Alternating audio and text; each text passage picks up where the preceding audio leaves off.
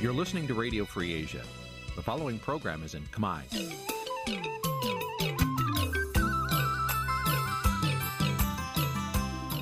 នេះជាកម្មវិធីផ្សាយ Vuthu Azizi Serai នេះជាកម្មវិធីផ្សាយរបស់ Vuthu Azizi Serai ជាភាសាខ្មែរ Vuthu Azizi Serai សូមស្វាគមន៍លោកអ្នកនាងទាំងអស់ពីរដ្ឋធានី Washington នៃសហរដ្ឋអាមេរិក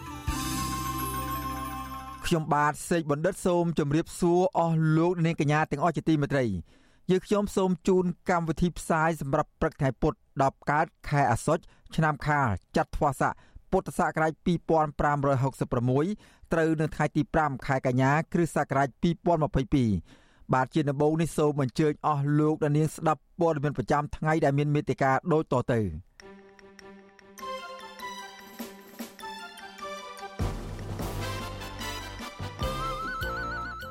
លាការខេត្តកណ្ដាលឃុំខ្លួនយុវជនដែលតវ៉ារឿងបង្កើតដេប៉ាតឺម៉ង់ភាសាវៀតណាម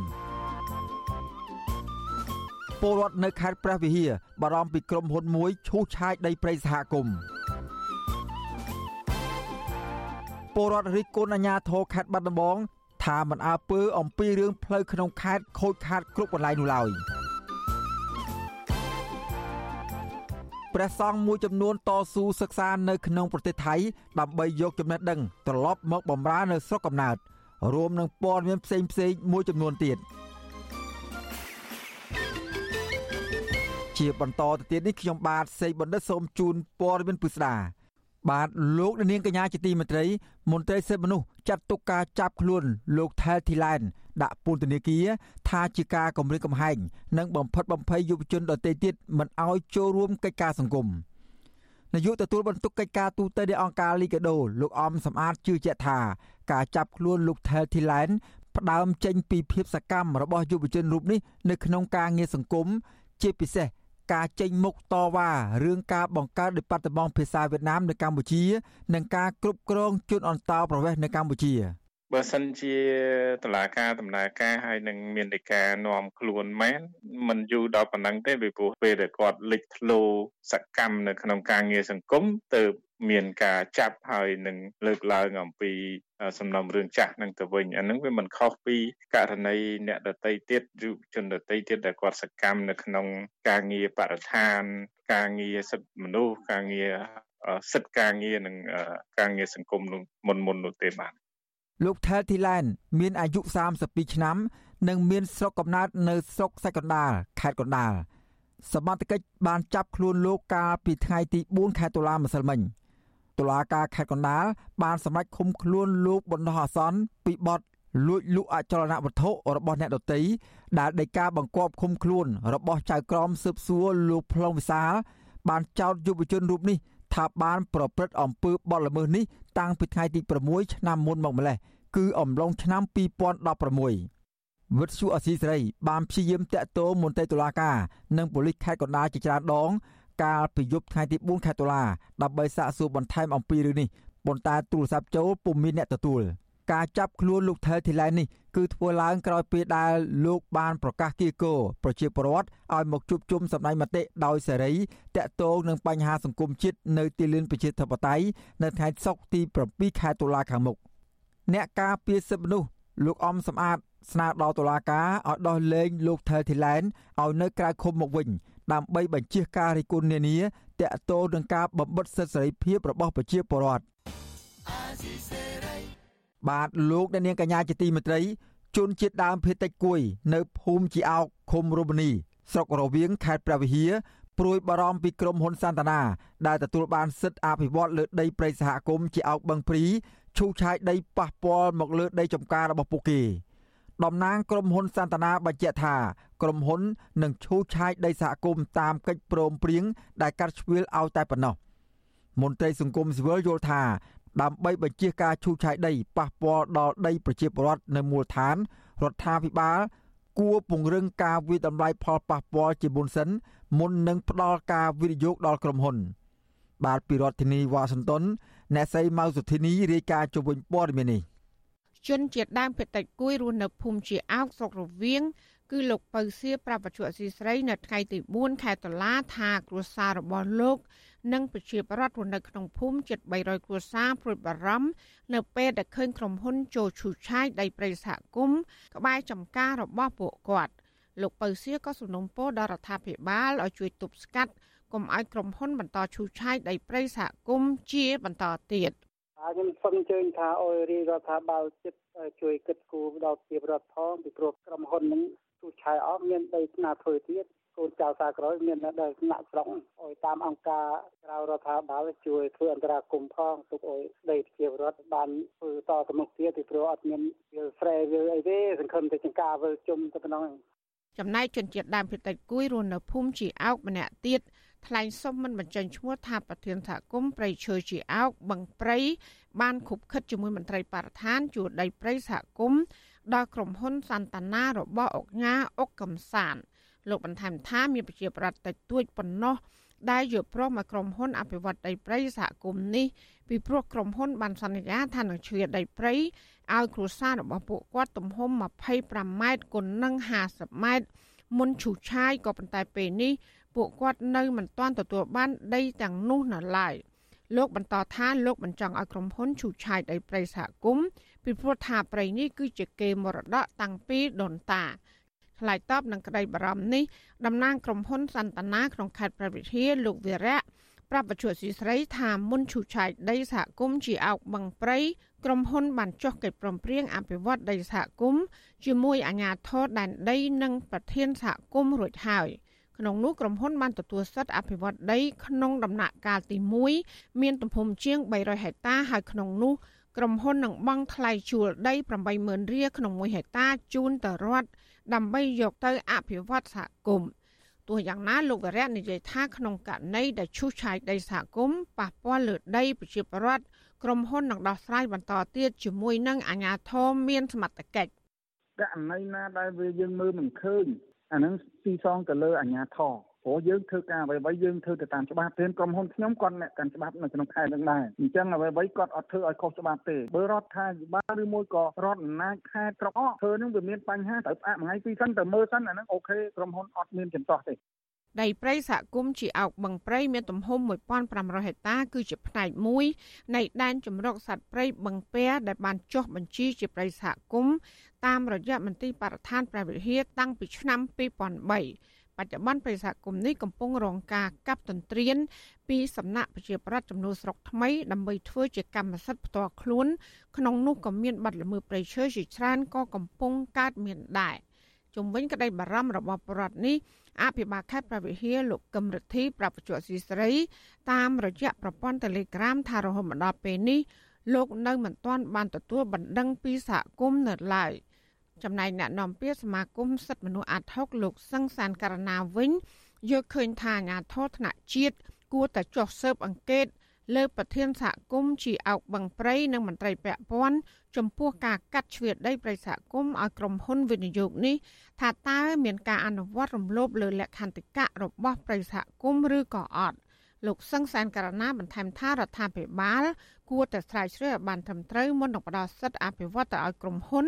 ដើម្បីបញ្ជាការអភិវឌ្ឍដែលនាំឲ្យប៉ះពាល់ដល់ប្រជាពលរដ្ឋមូលដ្ឋាន ជាពិសេសគឺទប់ស្កាត់កុំឲ្យមានការកាប់បំផ្លាញព្រៃឈើដែលធ្វើឲ្យប៉ះពាល់ដល់បរិស្ថានលោកថាសមាគមសិទ្ធិមនុស្សអាត់ហុកនឹងចាត់មន្ត្រីស៊ើបអង្កេត អំពីការឈូសឆាយដីព្រៃនេះក្នុងពេលឆាប់ឆាប់ខាងមុខចុះធ្វើការប្រមូលព័ត៌មានឲ្យបានច្បាស់លាស់អំពីការកាន់កាប់ទទួលបានសិទ្ធិដីកាន់កាប់ដីធ្លីប្រើប្រាស់ដីធ្លីពីខាងក្រុមហ៊ុនឬក៏ខាងប្រជាពលរដ្ឋមានការជន់គ្នាយ៉ាងម៉េចវាភាពចម្រូងចម្រាសយ៉ាងម៉េចហ្នឹងយើងចង់មានការសិក្សាមកបានច្បាស់លាស់ដើម្បីធ្វើយ៉ាងណាយើងឃ្លាំមើលដំណើរការ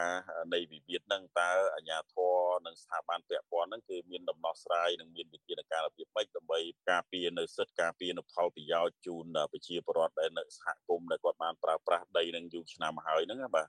ជនជាតិដើមភាគតិចគួយបានធ្វើចំការវិលជុំបែបប្រពៃណីក្នុងព្រៃសហគមន៍ជាអោកបឹងព្រៃតាំងពីដូនតាមក ហើយពួកគេក៏បានផ្អាកការធ្វើចំការវិលជុំនេះ នៅពេលដែលព្រៃបានចុះជាបញ្ជីព្រៃសហគមន៍នៅឆ្នាំ2003ទោះយ៉ាងណាពួកគេនៅតែអាស្រ័យផលពីព្រៃឈើនេះហើយពួកគាត់មិនចង់ឲ្យមានការអភិវឌ្ឍ ដែលនាំឲ្យបាត់បង់ព្រៃជាគេដូនតាហើយដែលមិនអាចកាត់ថ្លៃបាន ហើយអ្នកភូមិអាចទាញយកអនុផលពីព្រៃឈើនេះបានច្រើនជាងលុយដែលបានមកពីជួលទៅឲ្យក្រុមហ៊ុនទៀតផងចាននាងខ្ញុំម៉ៃសុធានីវិទ្យុអាស៊ីស្រី ប្រធានាធិបតី Washington បាទលោកអ្នកនាងកញ្ញាជាទីមេត្រីពាក់ព័ន្ធនឹងបញ្ហាផ្លូវថ្នល់នៅក្នុងខេត្តបាត់ដំបងនៅវិញ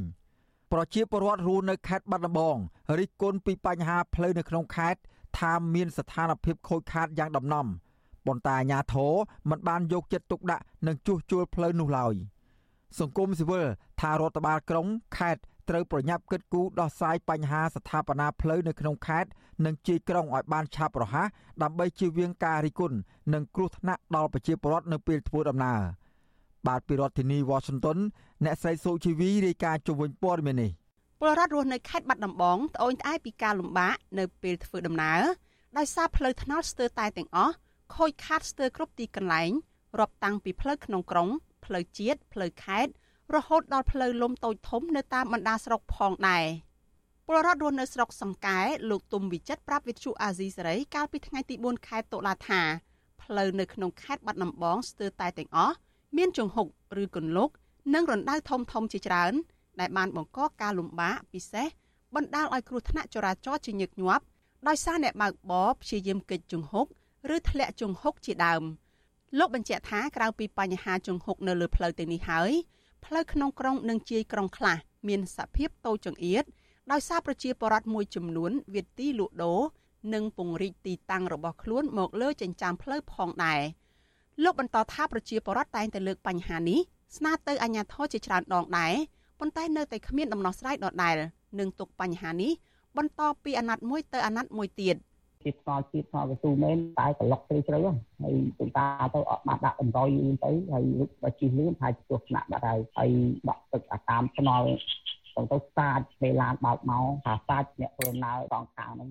ស្ថានភាពផ្លូវនៅក្នុងក្រុងនិងជាយក្រុងបាត់ដំបងជាច្រើនខ្សែរងការខូចខាតជាច្រើនកន្លែង បើទោះបីជាមានផ្លូវក្រវ៉ាត់ក្រុងសម្រាប់បញ្ជិះរថយន្តដឹកទំនិញធ្ងន់ធ្ងរឆ្លងកាត់ក្រុងក្តីក៏ស្ថានភាពផ្លូវនៅក្នុងក្រុង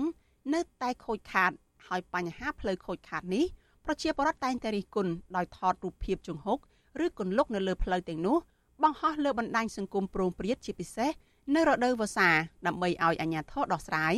ប៉ុន្តែមន្ត្រីរដ្ឋបាលក្រុងតែងតែដោះសារនិងទុកបញ្ហានេះពីមួយអាណត្តិទៅមួយអាណត្តិទៀត ជុំវិញរឿងនេះវិទ្យុអាស៊ីសេរីមិនអាចតាក់ទងអភិបាលក្រុងបាត់ដំបងលោកផេងសិទ្ធិបានទេ កាលពីថ្ងៃទី4ខែតុលាតែទោះជាយ៉ាងណា សំណេរលើគណនី Facebook ផ្លូវការរបស់អភិបាលខេត្តបាត់ដំបងលោកសុកលូកាលពីថ្ងៃទី3ខែតុលាឲ្យដឹងថាផ្លូវមួយចំនួនធំនៅក្នុងភូមិសាស្ត្រក្រុងបាត់ដំបងរងការខូចខាតដោយសារចំនួនទឹកស្ទឹង និងភ្លៀងកាលពីពេលកន្លងទៅលោកបន្តថាទោះបីចរដ្ឋបាលខេត្តជួសជុលផ្លូវនៅក្នុងអំឡុងពេលនេះ ក៏មិនអាចទទួលបានប្រសិទ្ធភាពនោះឡើយដោយត្រូវរងចាំផុតរដូវវស្សានិងការអនុម័តគម្រោងស្ថាបនាប្រព័ន្ធរំដោះទឹកភ្លៀងនិងទឹកកខ្វក់ពីធនាគារអភិវឌ្ឍអាស៊ីឬ ADB ជាមុនសិនលោកសុកលូសរសេរបន្តថាក្នុងដំណាក់កាលនេះរដ្ឋបាលខេត្តនឹងយកស៊ីម៉ង់លាយថ្មមិចបិទផ្លូវសម្មុខមាន់ទាំងនោះជាបណ្ដោះអាសន្នសិន តែកតិននៅរឿងនេះអ្នកសម្របសម្រួលផ្នែកឃ្លាំមើលការរំលោភសិទ្ធិមនុស្សនៃអង្គការលីកាដូប្រចាំនៅខេត្តបាត់ដំបងលោកអិនគង្ជិតយល់ឃើញថារដ្ឋបាលក្រុងនិងខេត្តគួរប្រញាប់ជួសជុលផ្លូវនេះដើម្បីសម្រួលដល់ការធ្វើដំណើររបស់ពលរដ្ឋនិងបញ្ជាហេតុការគ្រោះថ្នាក់ផងទន្ទឹមនឹងនេះរាល់គម្រោងស្ថាបនារដ្ឋបាលខេត្តគួរពិនិត្យលើការសាងសង់របស់ក្រុមហ៊ុនម៉ៅកាដើម្បីធានាថាផ្លូវទាំងនោះមានគុណភាពប្រើប្រាស់បានយូរជាងនេះទៅទៀតលោកថា ត្រូវរៀបចំប្រព័ន្ធលូរំដោះទឹក និងហាមប្រជាពលរដ្ឋមិនឲ្យសាងសង់លំនៅឋានខ្ពស់ជាងផ្លូវនោះឡើយ។បើសិនជាមានក្រុមហ៊ុនណាដែលគាត់ធ្វើហើយគ្មានគុណភាពណែអាជ្ញាធរខេត្តគួរតែគាត់សម្គាល់ហើយមិនឲ្យគាត់ចូលរួមដេញថ្លៃសម្រាប់លើកក្រោយផ្លូវតូចធំនៅក្នុងក្រុងបាត់ដំបងនិងជាយក្រុងទាំងអស់មានចំនួន76ខ្សែដែលភាគច្រើនសាងសង់ដោយថវិកាពីធនាគារអភិវឌ្ឍអាស៊ី ADB ហើយផ្លូវភាគច្រើនក្រាលកៅស៊ូនិងមួយចំនួនទៀតចាក់បេតុងពលរដ្ឋនៅតែសង្ស័យថាការស្ថាបនាផ្លូវទាំងនេះអាចជាប់ពាក់ព័ន្ធនឹងអំពើពុករលួយព្រោះផ្លូវខ្លះសាងសង់និងប្រើប្រាស់បានរយៈពេលខ្លីប៉ុណ្ណោះក៏ខូចទៅវិញទន្ទឹមគ្នានេះផ្លូវខ្លះសាងសង់ឡើងនៅពេលឃោសនាបោះឆ្នោតដើម្បីរកតែសម្លេងឆ្នោតប៉ុណ្ណោះហើយការសាងសង់បែបនេះគឺគ្មានគុណភាពឡើយនាងខ្ញុំសុជីវី Vithu Azizi Serai ពីរដ្ឋធានី Washington បាទលោកដានាងកញ្ញាជាទីមេត្រីលោកដានាងកំពុងតាមដានស្ដាប់ការផ្សាយរបស់វិទ្យុអស៊ីសេរីពីរដ្ឋធានីវ៉ាស៊ីនតោនសហរដ្ឋអាមេរិកព្រះសង្ឃមួយចំនួន ដែលកំពុងសិក្សានៅក្នុងប្រទេសថៃបានខិតខំរៀនសូត្រដើម្បីយកចំណេះវិជ្ជាត្រឡប់មកអភិវឌ្ឍនិងកសាងវត្តអារាមអប់រំពុទ្ធបរិស័ទឲ្យប្រព្រឹត្តអំពើល្អតាមលំអានព្រះពុទ្ធសាសនានៅកម្ពុជាតើការសិក្សារបស់ព្រះសង្ឃនៅក្នុងប្រទេសថៃនោះ មានការលំបាកយ៉ាងណាខ្លះបាទលោកនាងនឹងបានស្ដាប់សេចក្តីរាយការណ៍ពិស្ដារអំពីព័ត៌មាននេះនៅពេលបន្តិចទៀតបាទលោកនាងកញ្ញាជាទីមេត្រីពាក់ព័ន្ធនឹងស្ថានភាពនយោបាយវិញម្ដងសាលាដំបងរាជធានីភ្នំពេញ បានកោះហៅអ្នកនាំពាក្យគណៈបកកណ្ដាលអំណាចមន្ត្រីសង្គមស៊ីវិលនិងមនុស្សមួយចំនួនទៀតឲ្យចូលទៅបំភ្លឺក្នុងសំណុំរឿងក្បត់ជាតិរបស់លោកកម្មសខាមេធាវីការពីក្តីលោកកម្មសខាយល់ថាតាមនីតិវិធី នៅពេលមានការកោះហៅសាកសីជាសញ្ញាបញ្ជាក់ថាសវនាការអាចជិតដល់ទីបញ្ចប់ហើយ បាទពីរដ្ឋធានីវ៉ាស៊ីនតោនលោកទីនសាការីយ៉ារាយការណ៍ជុំវិញព័ត៌មាននេះសាកសីដល់តុលាការក៏ហៅឲ្យជុលបំភ្លឺរឿងលោកកម្មសខា មានទាំងសាកសីដាក់បន្ទុកនិងសាកសីដោះបន្ទុកដែលក្នុងនោះរួមមានអ្នកនាំពាក្យគណៈបកប្រជាជនកម្ពុជាលោកឈឹមផលវរុននាយកាមជ្ឈមណ្ឌលសិទ្ធិមនុស្សកម្ពុជានៅស្រីចော့សុភាព និងមនុស្សមួយចំនួនទៀតដែលតាក់ទងនឹងយុទ្ធនាការថ្ងៃច័ន្ទពណ៌ខ្មៅរួមទាំងសកម្មជនគណៈបកសង្គ្រោះជាតិដែលធ្លាប់បានចូលរួមវគ្គបណ្ដោះបណ្ដាលពីអង្គការនានានៅពេលកន្លងមកអ្នកនាំពាក្យគណៈបកប្រជាជនកម្ពុជាលោកឈឹមផលវរុនឲ្យដឹងនៅថ្ងៃទី4ដុល្លារថាតឡាការបានកោះហៅលោកឲ្យទៅបំភ្លឺជាសាកសី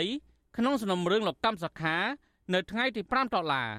លោកអះអាងថាលោកនឹងឆ្លើយតែពាក្យពិតប្រាប់តឡាការពីអ្វីដែលលោកបានដឹង ពីទង្វើរបស់លោកកម្មសខាហើយមានអីពិបាកនៅពេលចៅក្រមគាត់សួរខ្ញុំ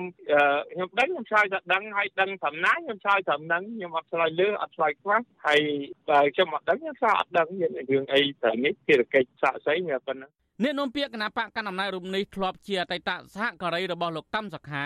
កាលពីលោកកម្មសខាធ្វើជាប្រធានមជ្ឈមណ្ឌលសិទ្ធិមនុស្សកម្ពុជា ចំណែកឯសាកសីមួយរូបទៀតគឺនាយកាមជ្ឈមណ្ឌលសិទ្ធិមនុស្សកម្ពុជានៅស្រីចော့សុភាពក៏ត្រូវបានតុលាការកោះហៅឲ្យចូលបំភ្លឺនៅថ្ងៃទី5ដុល្លារដែរវិទ្យុអាស៊ីរីមិនអាចតាក់ទងនៅស្រីចော့សុភាពដើម្បីសំសួរអំពីបញ្ហានេះបានទេនៅថ្ងៃទី4ដុល្លារប៉ុន្តែនៅស្រីចော့សុភាពបានសរសេរនៅលើទំព័រ Facebook របស់អ្នកស្រីថាតឡាការចេញដីកាកោះហៅអ្នកស្រីគឺចំពេលអ្នកស្រីជាប់បេសកកម្មទៅក្រៅប្រទេសដែលជាកិច្ចការប្រជុំសំខាន់ ទោះជាយ៉ាងណាអ្នកស្រីបង្ហាញចំហថានឹងចូលរួមឆ្លើយតបតាមការកោះហៅនៅស្រីចော့សុភាពក៏ធ្លាប់ចូលបំភ្លឺក្នុងនាមជាសាកសីក្នុងសំណុំរឿងលោកកម្មសុខានេះដែរកាលពីសំណុំរឿងនេះស្ថិតនៅក្នុងដំណាក់កាលស៊ើបសួរជំវិញនឹងរឿងនេះវិទ្យុអាស៊ីសេរីមិនអាចតតងលេខាធិការដ្ឋានសាលាដំបងរាជធានីភ្នំពេញលោកអ៊ីរ៉ានដើម្បីសំសួរអំពីបញ្ហានេះបន្ថែមបានទេនៅថ្ងៃទី4ដុល្លារចំណែកឯសហមេធាវីការពារក្តីលោកកម្មសុខាគឺលោកមេធាវីផាញ់ហេងឲ្យដឹងថា តឡាការបានកោះហៅសាកសីដល់ចូលបំភ្លឺក្នុងសំណុំរឿងលោកកម្មសុខានៅថ្ងៃទី5ដុល្លារជាសាកសីដែលមានលំនៅឋាននៅភ្នំពេញ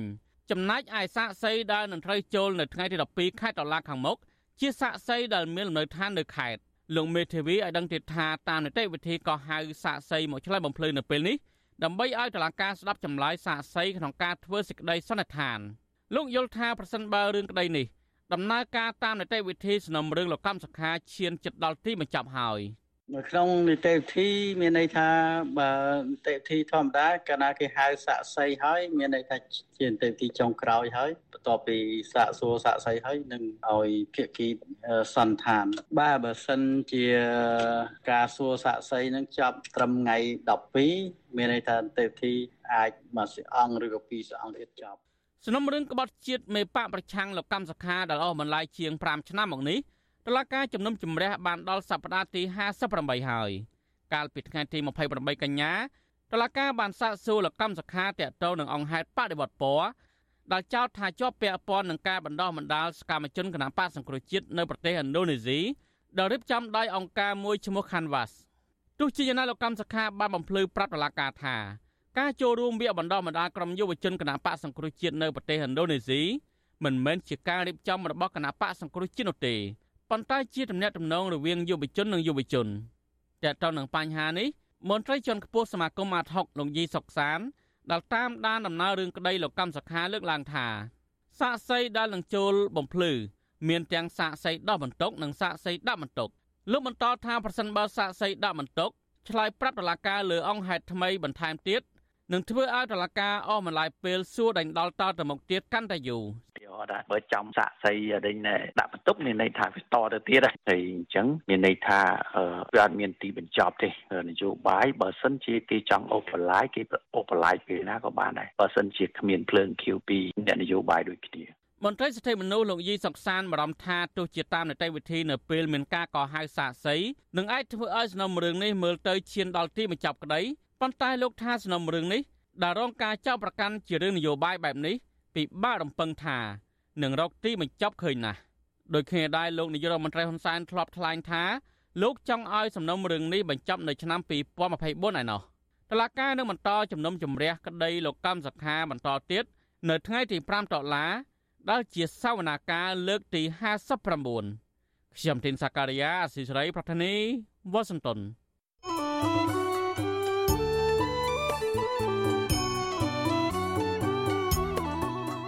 បាទលោកនាងកញ្ញាជាទីមេត្រី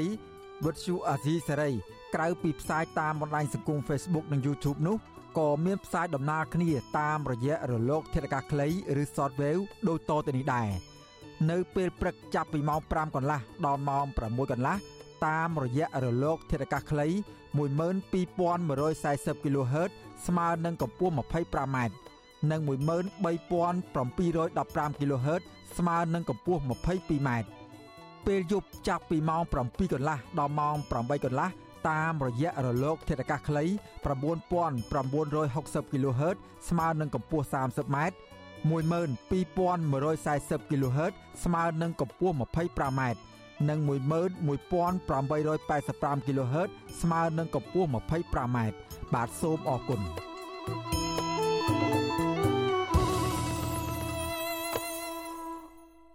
បាទលោកនាងកញ្ញាជាទីមេត្រីពាក់ព័ន្ធនឹងគណៈបញ្ញយោបាយនេះដែរ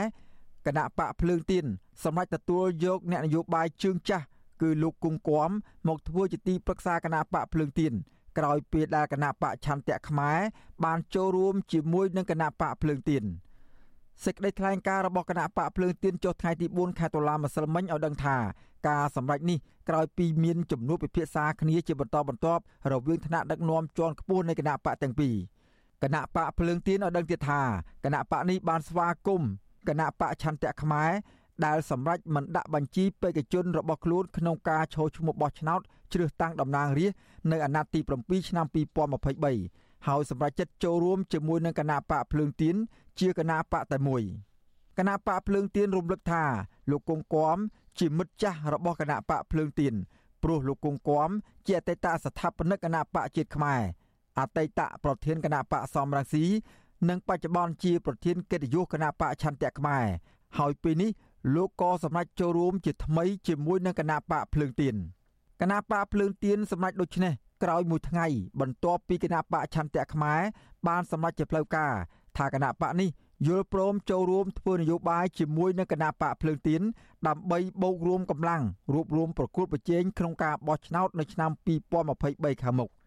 គណៈបកភ្លើងទៀនដែលទទួលសម្លេងឆ្នោតលំដាប់ទី2បន្ទាប់ពីគណៈបកកណ្ដាលអំណាចនៅក្នុងការបោះឆ្នោតឃុំសង្កាត់អាណត្តិទី5កាលពីពេលថ្មីៗនេះក៏ប្រកាសស្វាគមន៍ដល់អ្នកស្នេហាជាតិអ្នកស្រឡាញ់ប្រជាធិបតេយ្យឲ្យមកចូលរួមជាមួយនឹងគណៈបកភ្លើងទៀនដើម្បីជាកម្លាំងចលករប្រជាធិបតេយ្យដ៏ធំមួយឈានទៅរកជ័យជំនះក្នុងការបោះឆ្នោតជ្រើសតាំងតំណាងរាស្ត្រអាណត្តិទី7ឆ្នាំ2023ខាងមុខ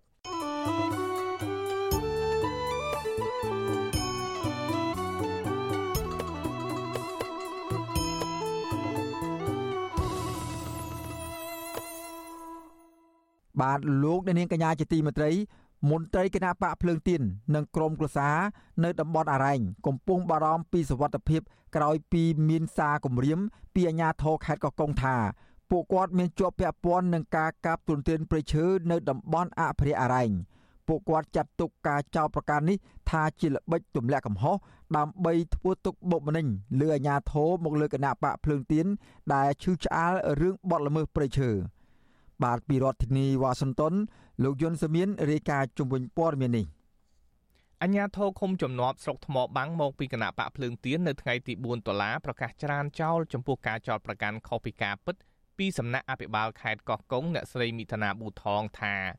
ពួកគាត់មានជាប់ពាក់ព័ន្ធនឹងការកាប់ទន្ទ្រានដីព្រៃអភិរក្សទំហំ5ហិកតានៅតំបន់អរ៉ែង ជំទុកទី2ឃុំជំនាប់ជាជនជាតិដើមភាគតិចជងអ្នកស្រីសៅស៊ីថ្លែងថាមកទល់ពេលនេះទាហាននិងនគរបាលជាច្រើនអ្នក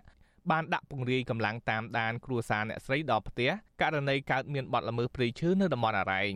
អ្នកស្រីចាត់ទុកការចោទប្រកាន់របស់អភិបាលខេត្តរូបនេះថាជាការមូលបង្កាច់ខុសពីការពិតដើម្បីធ្វើបាបគ្រួសារអ្នកស្រីដែលតែងតែឈឺឆ្អាលពីបទល្មើសព្រៃឈើនៅតំបន់អរ៉ែង អ្នកស្រីចវាយខេត្តអបាលខេត្តកោះកុងមិថុនាពុថងហ្នឹងថាការដែលគាត់ចោទប្រកាន់ខ្ញុំហ្នឹងគឺមិនមែនជាការពិតទេចាខ្ញុំសូមបដិសេធចោលនៃការគាត់ចោទប្រកាន់នោះពីព្រោះខ្ញុំជាមនុស្សស្អាតស្អំខ្ញុំអត់ទៅប្រព្រឹត្តអំពើកាប់បំផ្លាញលុបលុនដើម្បីទៅផលប្រយោជន៍ខ្លួនអីខ្ញុំធ្វើកម្មសិទ្ធិឯកជនយ៉ាងទេហើយបើចោទគាត់ចោទប្រកាន់ហ្នឹងតើគាត់មានខុសតាំងអំណះអំណាងអីច្បាស់លាស់ត្រឹមត្រូវអត់ចំណែកប្តីរបស់អ្នកស្រីសៅស៊ីជាមគ្គទេសទេសចរនៅតំបន់អរ៉ែង លោកវែងឡាត់ប្រាប់វិទ្យុអេស៊ីសេរីនៅថ្ងៃទី4តុលាថា ទីតាំងកាប់ឈើស្ថិតនៅក្បែរភ្នំម្រេចកង្កែបជាតំបន់អភិរក្សអរ៉ែងដែលជាជំរកសត្វព្រៃកម្ររស់នៅ មានដើមឈើធំធំ ដែលត្រូវបានគេលួចកាប់បំផ្លាញអស់ជាច្រើនពាន់ដើមឲ្យคล้ายជាវីរហោឋាននៅរយៈពេលជាង1ខែចុងក្រោយនេះលោកសោកស្ដាយដែលឃើញព្រៃឈើកម្រនៅទីនោះជាតំបន់ស្រស់ស្អាតទាក់ចិត្តភ្ញៀវទេសចរ និងជាកន្លែងរកអនុផលព្រៃឈើបែរជាទទួលរងការកាប់រំលំ ដើម្បីយកដីធ្វើជាកម្មសិទ្ធិព្រោះតែតម្លៃដីហក់ឡើងថ្លៃលោកស្នើឲ្យអាជ្ញាធរគួរតែស៊ើបអង្កេតរកជនល្មើសនិងអ្នកពាក់ព័ន្ធមកផ្ដន់ទោសតាមច្បាប់ ប្រសើរជាងធ្វើទុកបុកម្នេញនឹងអ្នកការពារនិងមន្ត្រីគណៈបកភ្លើងទៀន 5ហិកតាហ្នឹងគឺបាត់បង់ឈើធំធំលឹងវាលតែម្ដង បាត់បង់មែនតែនហ្មងលវឹងវើយហ្មងគាត់ទាំងដូចទាំងធំលឹងវាលហ្មងហ្មងឆ្លើយតបការលើកឡើងនេះអភិបាលខេត្តកោះកុងអ្នកស្រីមិថុនាប៊ូថងបកស្រាយថាអ្នកស្រីបានចាត់ឲ្យមន្ត្រីបរិស្ថានខេត្តនេះចុះស៊ើបអង្កេតពីបទល្មើសព្រៃឈើនៅតំបន់នោះរួចហើយដោយរកឃើញថាមានជាប់ពាក់ព័ន្ធជំទុកទី2ឃុំជំនាប់មកពីគណៈបកភ្លើងទៀន លោកស្រីបញ្ជាក់ថាតំបន់អរ៉ែងមិនអនុញ្ញាតឲ្យមានការកាប់ឈើនោះទេពីព្រោះទីនោះជាតំបន់អភិរក្សការពារដោយអនុក្រឹត្យកន្លែងនេះខ្ញុំទទួលបានព័ត៌មានពីខាងខាងក្រមមកដែរនេះឥឡូវលំអិតនេះខ្ញុំខ្ញុំឲ្យគេធ្វើការបន្តទៀតអត់តែចោតគាត់ចាមកខ្ញុំឲ្យខាងគេស្រាវជ្រាវខាងផ្នែកបឋានគាត់ស្រាវជ្រាវជាមួយរដ្ឋបាលស្រុកគាត់ស្រាវជ្រាវការងារនេះជនជាតិដើមភាគតិចចងរស់នៅឃុំជំនាប់អារម្មណ៍ថាដើមឈើធំធំនៅតំបន់នោះ ដែលជាគេមរតកធម្មជាតិនិងជាជំរកវប្បធម៌របស់ជនជាតិដើមភាគតិចជងកំពុងប្រឈមការកាប់រំលំទ្រង់ទ្រាយធំ ទាំងឈើមានតម្លៃនិងរៀនយកដីធ្វើអាជីវកម្មប៉ះពាល់ដល់ជំរកត្រី និងធនធានធម្មជាតិដែលតាក់ទាញភ្ញៀវទេសចរពួកគេសង្កេតឃើញថាមន្ត្រីបរិស្ថាននិងសមត្ថកិច្ចខ្លះមានជាប់ពាក់ព័ន្ធបាត់ល្មើសព្រៃឈើនៅតំបន់នោះយូរមកហើយហើយប្រើល្បិចទម្លាក់កំហុសលើមន្ត្រីគណៈបកភ្លើងទៀន ជុំវិញរឿងនេះដែរមន្ត្រីសម្របសម្រួលសមាគមអាត6ខេត្តកោះកុងលោកថោងច័ន្ទរាយល់ថាអាញាធរជំនាញគួរស៊ើបអង្កេតឲ្យបានច្បាស់លាស់ដើម្បីវែកមុខជនល្មើសនិងអ្នកពាក់ព័ន្ធមកផ្ដន់ទោសតាមច្បាប់ដោយភ្ជាប់នឹងភ័ស្តុតាងច្បាស់លាស់ជៀសវាងធ្វើរបាយការណ៍ភូតភរទៅថ្នាក់លើលោកគិតថាការលើកឡើងរបស់អភិបាលខេត្តរូបនេះអាចជាការយល់ច្រឡំដោយជឿលើរបាយការណ៍មន្ត្រីថ្នាក់ក្រោម។ធ្វើ ឲ្យគេមានការយល់ច្រឡំអញ្ចឹងហើយថាមន្ត្រីរបស់គាត់សមត្ថកិច្ចនៅទូខុសត្រូវហ្នឹងទៅជាទៅរួចផុតពីទូខុសត្រូវដែលតម្លាក់ដោយថាចោតប្រកាន់ទៅលើតែមនុស្សម្នាក់ដែលគាត់អត់បានដឹងអីផងហើយមន្ត្រីអង្គការសង្គមស៊ីវិលរូបនេះស្នើឲ្យអភិបាលខេត្តកោះកុងចុះស៊ើបអង្កេតជាក់ស្ដែងនៅមូលដ្ឋាន ដោយត្រូវអនុវត្តច្បាប់លើជនល្មើសនិងអ្នកពាក់ព័ន្ធលោកថាកន្លងទៅដើមកគីនិងដើមឈើទាលជាច្រើនដើមដុះតាមបណ្ដោយស្ទឹងអរ៉ែង ដែលជាអត្តសញ្ញាណប្រពៃណីជនជាតិដើមភាគតិចត្រូវគេកាប់បំផ្លាញអស់ជាច្រើន ជាបន្តបន្ទាប់នៅចំពោះមុខអាជ្ញាធរនិងមន្ត្រីបរិស្ថានជ្រលងអរ៉ែងគឺជាកន្លែងដ៏ស្រស់ស្អាតមួយនៅក្នុងខេត្តកោះកុងដែលមានប្រភេទសត្វព្រៃដ៏កម្រអមដោយព្រៃឈើដ៏ស្រស់ត្រកាលបន្សល់ទុកចុងក្រោយនៅកម្ពុជាតំបន់នោះជាកន្លែងដែលជនជាតិដើមភាគតិចជងជាង1500នាក់ កំពុងរស់នៅជាមួយនឹងបរិស្ថានធម្មជាតិស្រស់បំព្រងតាមបណ្ដោយជ្រលងភ្នំ ដែលមានសត្វព្រៃកម្ររស់នៅ រួមមានសត្វក្រពើភ្នំ ត្រីនាគនិងដំរីធំធំជាដើមខ្ញុំយុនសាមៀនវិទ្យុអាស៊ីសេរីប្រធានាធិបតី Washington បាទលោកអ្នកនាងកញ្ញាជាទីមេត្រីពាក់ព័ន្ធនឹងបញ្ហាដីធ្លីនៅក្នុងខេត្តកោះកុងនោះដែរសហគមន៍មានចំនួនដីធ្លីប្រមាណ300នាក់ មកពី7សហគមន៍នៅខេត្តកោះកុងប្រមូលផ្ដុំគ្នានៅខាងមុខសាលាធរខេត្តព្រះសីហនុដើម្បីតវ៉ាទាមទារឲ្យតុលាការទម្លាក់បទចោទប្រកាន់លើតំណាងសហគមន៍197គឺអ្នកស្រីដេតហួរពាក់ព័ន្ធនឹងសំណុំរឿងបង្កាច់គេមន្ត្រីសង្គមស៊ីវិលយល់ថារដ្ឋាភិបាលគួរទប់ស្កាត់អ្នកមានលុយនិងមានអំណាចដែលតែងតែយកស្ថាប័នតុលាការមកគំរាមកំហែងប្រជាពលរដ្ឋ និងពន្លឿនការដោះស្រាយបញ្ហាដីធ្លីដោយសន្តិវិធី បាទពីរដ្ឋធានីវ៉ាស៊ីនតោនលោកមានរិទ្ធរាយការណ៍ជុំវិញព័ត៌មាននេះពជាសហគមន៍មានចំនួនដីធ្លីនៅខេត្តកោះកុងលើកឡើងថាតំណាងសហគមន៍197គ្រួសារបានចូលបំភ្លឺតាមការកោះហៅរបស់តំណាងអាយកាអមសាឡាធរព្រះសេនុពាក់ព័ន្ធនឹងសំណុំរឿងបរិហាបង្កាច់គេ ថ្ងៃទី3ខែកញ្ញាឆ្នាំ2021និងថ្ងៃទី23ខែកញ្ញាឆ្នាំ2021 សាលាដំបងខេត្តកោះកុងដើមឡើយបានផ្ដន់ទាទោតំណាងសហគមន៍អ្នកស្រីដេតហួរដាក់ពន្ធនាគាររយៈពេល1ឆ្នាំនិងបង់ប្រាក់2លានរៀលពីបទបរហាកេដោយតាមបណ្ដឹងរបស់មេប៉ូលីសផ្កាយ2លោកហេងហ៊ុយដែលមានដីធ្លីរាប់ពាន់ហិកតានៅក្នុងខេត្តកោះកុងតំណាងអัยការអមស្លាធរព្រះសេនុលោកខៀវផាឡាក៏ហៅតំណាងពលរដ្ឋសហគមន៍ចំនួនដីធ្លីអ្នកស្រីដេតហួររស់នៅសហគមន៍197 ឃុំជីខលើស្រុកស្រែអំបិលខេត្តកោះកុងឲ្យចូលបំភ្លឺនៅថ្ងៃទី4ខែតុលាជុំវិញសំណុំរឿងនេះអ្នកស្រីដេតហួរលើកឡើងថាអ្នកស្រីបានចូលបំភ្លឺតាមពាក្យបណ្ដឹងរបស់អ្នកស្រីដែលបានប្តឹងមិនសុខចិត្តចំពោះសេចក្តីសម្រេចរបស់សាលាដំបងខេត្តកោះកុង អ្នកស្រីបន្តថាសម្រាប់ការសម្រេចរបស់សាលាធរយ៉ាងណានោះគឺនៅមិនទាន់ដឹងនៅឡើយទេក៏ប៉ុន្តែអ្នកស្រីសង្កេតឃើញថាសាលាធរព្រះសីហនុប្លែកពីសាលាដំបងខេត្តកោះកុងដែលមានការគោរពនិងឲ្យតម្លៃដល់បុរដ្ឋរងគ្រោះដីធ្លីអ្នកស្រីអាងបន្តថាលោកហេងហ៊ុយបានដាក់គ្រឿងចាក់ ឈូសឆាយដីធ្លីកំពុងអាស្រ័យផលរបស់អ្នកស្រីដោយគ្មានការជូនដំណឹងទៅអាជ្ញាធរភូមិឃុំឡើយដូច្នេះហើយអ្នកស្រីក៏រិះគន់តាមបណ្ដាញសង្គម Facebook ដែលមិនមែនជាការបរិហាបង្កាច់គេដោយតាមការចាត់ប្រកាន់របស់ភាគីចំនួននោះទេ ចំពោះខ្ញុំគឺខ្ញុំមានបញ្ហាផ្លូវចិត្តខ្លាំងមែនទែនព្រោះក្នុងនាមខ្ញុំជាប្រជាពលរដ្ឋបាត់បង់ដីហើយត្រូវជាប់ប្រព័ន្ធតឡាការច្រើនលើកច្រើនសារតឡាការក៏ហៅគ្មានពេលវេលាសម្រាប់ខ្ញុំវាគ្មានពេលវេលាសម្រាប់ក្រុមគ្រួសាររបស់ខ្ញុំនិងសម្រាប់សហគមន៍ទាំងមូលទេសហគមន៍យើងទាំងមូលនិងជាពលរដ្ឋយើងទាំងអស់គ្នា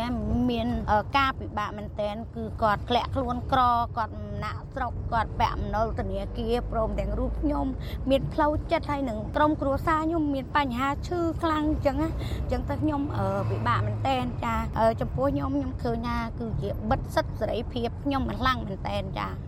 អ្នកស្រីដេតហួរបន្ថែមថាអ្នកស្រីបានរងនៅភាពអយុត្តិធម៌ហើយមានការឈឺចាប់ជាខ្លាំងដោយសារតែត្រូវក្រុមហ៊ុនរំលោភយកដីធ្លីអស់ហើយក៏ត្រូវអាជ្ញាធរប្តឹងទៅតុលាការថែមទៀតដោយសារតែការតវ៉ាទាមទារដីធ្លីខ្លួនឯង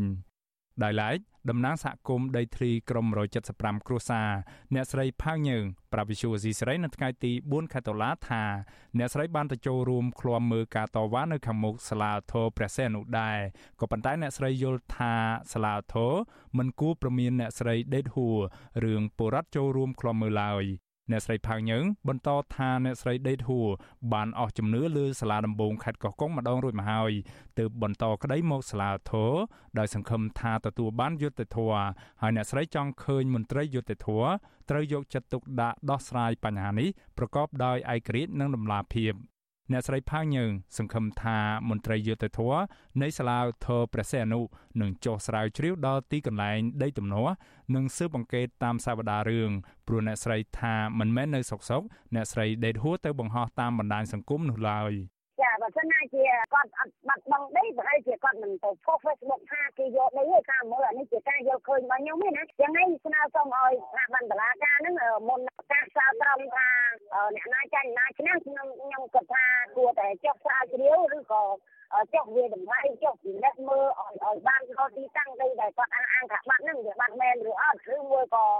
គាត់ចេះតែចោទប្រកាន់គេអាហ្នឹងបានទៅធ្វើការវិនិច្ឆ័យបញ្ហាហ្នឹងបញ្ចប់បានល្អត្រឹមត្រូវតែបើអត់អញ្ចឹងទេខ្ញុំក៏ថាវាបាត់បង់ភាពប្រជាក្រិតបាត់បង់ឯករាជ្យភាពរបស់តុលាការតែម្ដងចា Visual C ស្រីមិនអាចតាក់ទងแนะនាំពាក្យស្លាវធរព្រះសីហនុលោកយូតិតវឌ្ឍនៈ និងភៀកគីចុងចម្លើយអធរលោកហេងហ៊ុយដើម្បីសូមអធិប្បាយជុំវិញរឿងនេះបាននៅឡើយទេនៅថ្ងៃទី4ខែតុលាក៏ប៉ុន្តែលោកហេងហ៊ុយធ្លាប់ប្រាប់វិសុ VOD ថាក្រុមហ៊ុនរបស់លោកមិនបានរំលោភយកដីធ្លីរបស់ពលរដ្ឋនោះទេនិងមានបានកម្មសិទ្ធិត្រឹមត្រូវតាមផ្លូវច្បាប់ កាលពីអំឡុងឆ្នាំ2021ជុំវិញរឿងនេះមន្ត្រីសមាគមសម្ព័ន្ធសហគមន៍កសិករកម្ពុជា លោកញិលសុភីប យល់ឃើញថាអាញាធិបពពន់គួរតែពន្លឿនដោះស្រាយបញ្ហាដីធ្លីជូនប្រជាពលរដ្ឋប្រសើរជាងប្រើប្រាស់ប្រព័ន្ធតុលាការដើម្បីគម្រាមកំហែងនិងបំបិទសិទ្ធិសេរីភាពដោយរំលោភទៅលើសហគមន៍លោកបន្តថាសាលាឧទ្ធរត្រូវទម្លាក់ចោលបទចោទនិងព្យាយាមដោះស្រាយចំនួនដីធ្លីនេះប្រកបដោយតម្លាភាពនិងសន្តិវិធីដើម្បីកុំឲ្យមានការរិះគន់ហើយធ្វើឲ្យពលរដ្ឋបាត់បង់ជំនឿទុកចិត្តលើប្រព័ន្ធតុលាការ ជាមួយគ្នានេះលោកញ៉ែលសុភីបអះអាងថាការដែលប្រជាពលរដ្ឋប្រមូលផ្ដុំគ្នានៅខាងមុខសាលាធរព្រះសីហនុគឺដើម្បីគ្រប់គ្រងនិងលើកទឹកចិត្តដល់អ្នកស្រីដេតហួរឲ្យចូលសវនាការនិងជាការចូលរួមធ្វើយុទ្ធនាការតស៊ូមតិទៀមទាទៅតុលាការឲ្យទម្លាក់ចោលរាល់ការចោទប្រកាន់និងកាត់ក្តីដោយឈលលើគោលការណ៍យុត្តិធម៌ខ្ញុំគិតឃើញថាការប្រើប្រាស់ប្រព័ន្ធតឡាការនៅក្នុងការចោទប្រកាន់ក៏ដូចជាចាប់ខ្លួនធ្វើបាបទុកនៅទូមនិចលើជីវរដ្ឋលើពលរដ្ឋដែលរងគ្រោះជាមួយនឹងបញ្ហាដីធ្លីជាមួយនឹងបញ្ហាការរំលោភសិទ្ធិជាមួយនឹងការការពារធនធានធម្មជាតិវាជាសិទ្ធិរបស់ប្រជាពលរដ្ឋហើយការធ្វើបែបនេះវាជាកម្មដែលធ្វើឲ្យប្រជាធិបតេយ្យក៏ដូចជាធ្វើឲ្យសម្លេងរបស់ប្រជាពលរដ្ឋនឹងត្រូវបានលាក់ចុះកាលពីឆ្នាំ2019ពលរដ្ឋចំនួន197គ្រួសារមកពីឃុំជីខលើ និងឃុំជីខក្រោមបាននាំគ្នាតវ៉ានៅរាជធានីភ្នំពេញជាបន្តបន្ទាប់ដើម្បីស្វែងរកកិច្ចអន្តរាគមន៍ពីក្រសួងរៀបចំដែនដីនគររូបនីយកម្មនិងសំណង់ឲ្យជួយដោះស្រាយវិវាទដីធ្លីរបស់ពួកគាត់ដោយចោទថាក្រុមហ៊ុនហេងហ៊ុយបានរំលោភយកដីធ្លីរបស់ពួកគាត់តាំងពីឆ្នាំ2007មក ក៏ប៉ុន្តែក្រសួងរៀបចំដែនដីមិនបានដោះស្រាយជូនពលរដ្ឋទាំងនោះឡើយហើយបែរជាស្នើទៅអាជ្ញាធរពាក់ព័ន្ធឲ្យចាត់វិធានការផ្លូវច្បាប់ចំពោះតំណាងពលរដ្ឋដោយចោទពួកគាត់ថាញុះញង់ឲ្យពលរដ្ឋ197គ្រួសារឡើងមកតវ៉ា តំណាងពលរដ្ឋ9នាក់ផ្សេងទៀតនៅសហគមន៍197បច្ចុប្បន្នកំពុងជាប់បណ្ដឹងនៅតុលាការក្រោមបទចោទបរិហាកេនិងញុះញង់ឲ្យប្រព្រឹត្តអំពើបង្កឲ្យមានភាពវឹកវរធ្ងន់ធ្ងរដល់សន្តិសុខសង្គមតាមបណ្ដឹងរបស់លោកហេងហ៊ុយ កាលពីថ្ងៃទី20ខែកក្កដាសាលាដំបងខេត្តកោះកុងបានកាត់ក្តីឲ្យតំណាងពលរដ្ឋសហគមន៍197នៅភូមិតានីឃុំជីខលើស្រុកស្រែអំបិលអ្នកស្រីដេតហួរចាញ់ក្តីលោកអង្ញាហេងហ៊ុយដែលផ្ដន់ទាទោអ្នកស្រីឲ្យជាប់ពន្ធនាគាររយៈពេល1ឆ្នាំ និងពិន័យជាប្រាក់ចំនួន2លានរៀលក៏ប៉ុន្តែពុំឃុំខ្លួននោះទេ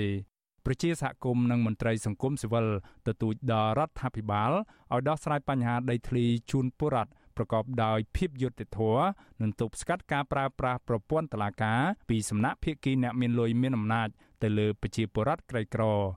ខ្ញុំបានមេរិត Visual C ស្រីរាយការណ៍ពីរដ្ឋធានី Washington បាទលោកនាងកញ្ញាជាទីមេត្រីព្រះសង្ឃខ្មែរមួយចំនួន ដែលកំពុងសិក្សានៅក្នុងប្រទេសថៃ បានខិតខំរៀនសូត្រដើម្បីយកចំណេះដឹងត្រឡប់មកអភិវឌ្ឍកសាងវត្តអារាមអប់រំពុទ្ធបរិស័ទ ឲ្យប្រព្រឹត្តតាមលំអានព្រះពុទ្ធសាសនានៅប្រទេសកម្ពុជាព្រះសង្ឃមានថេរដីកាថាការសិក្សានៅក្នុងប្រទេសថៃមានការលំបាកជាច្រើន ជាពិសេសផ្នែកភាសាថៃ សម្រាប់និយាយប្រស័យតាក់ទងគ្នារាល់ថ្ងៃជាមួយនឹងមិត្តភ័ក្តិរួមថ្នាក់និងគ្រូបង្រៀន